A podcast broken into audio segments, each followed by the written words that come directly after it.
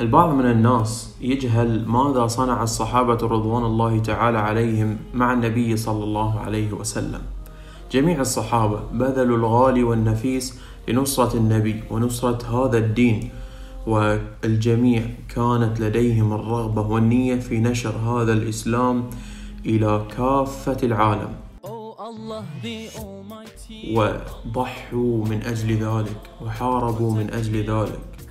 فالواجب علينا إحنا اليوم أن نتعرف ماذا فعل هؤلاء الصحابة ونتعرف على المواقف والشدائد اللي صابتهم أثناء دعوتهم للناس وأثناء نشرهم لهذا الدين العظيم. فمنهم من أوذي ومنهم من قتل ومنهم من رمي بالحجارة ومنهم من اتهم في عرضه وفي شرفه.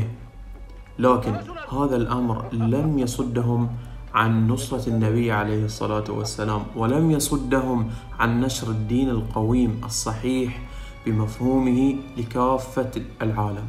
أنا العبد الواجب علينا أن إحنا نستمع وياكم في هذه الدقائق إلى بودكاست وتزودوا على أساس نتزود فيه من هذه المواقف العطرة لأن الجميع منا يمر في مشاكل قد عانى منها الصحابة رضوان الله تعالى عليهم.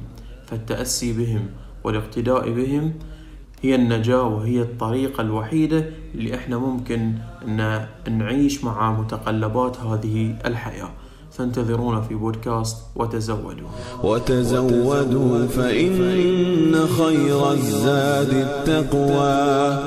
واتقون يا أولي الألباب.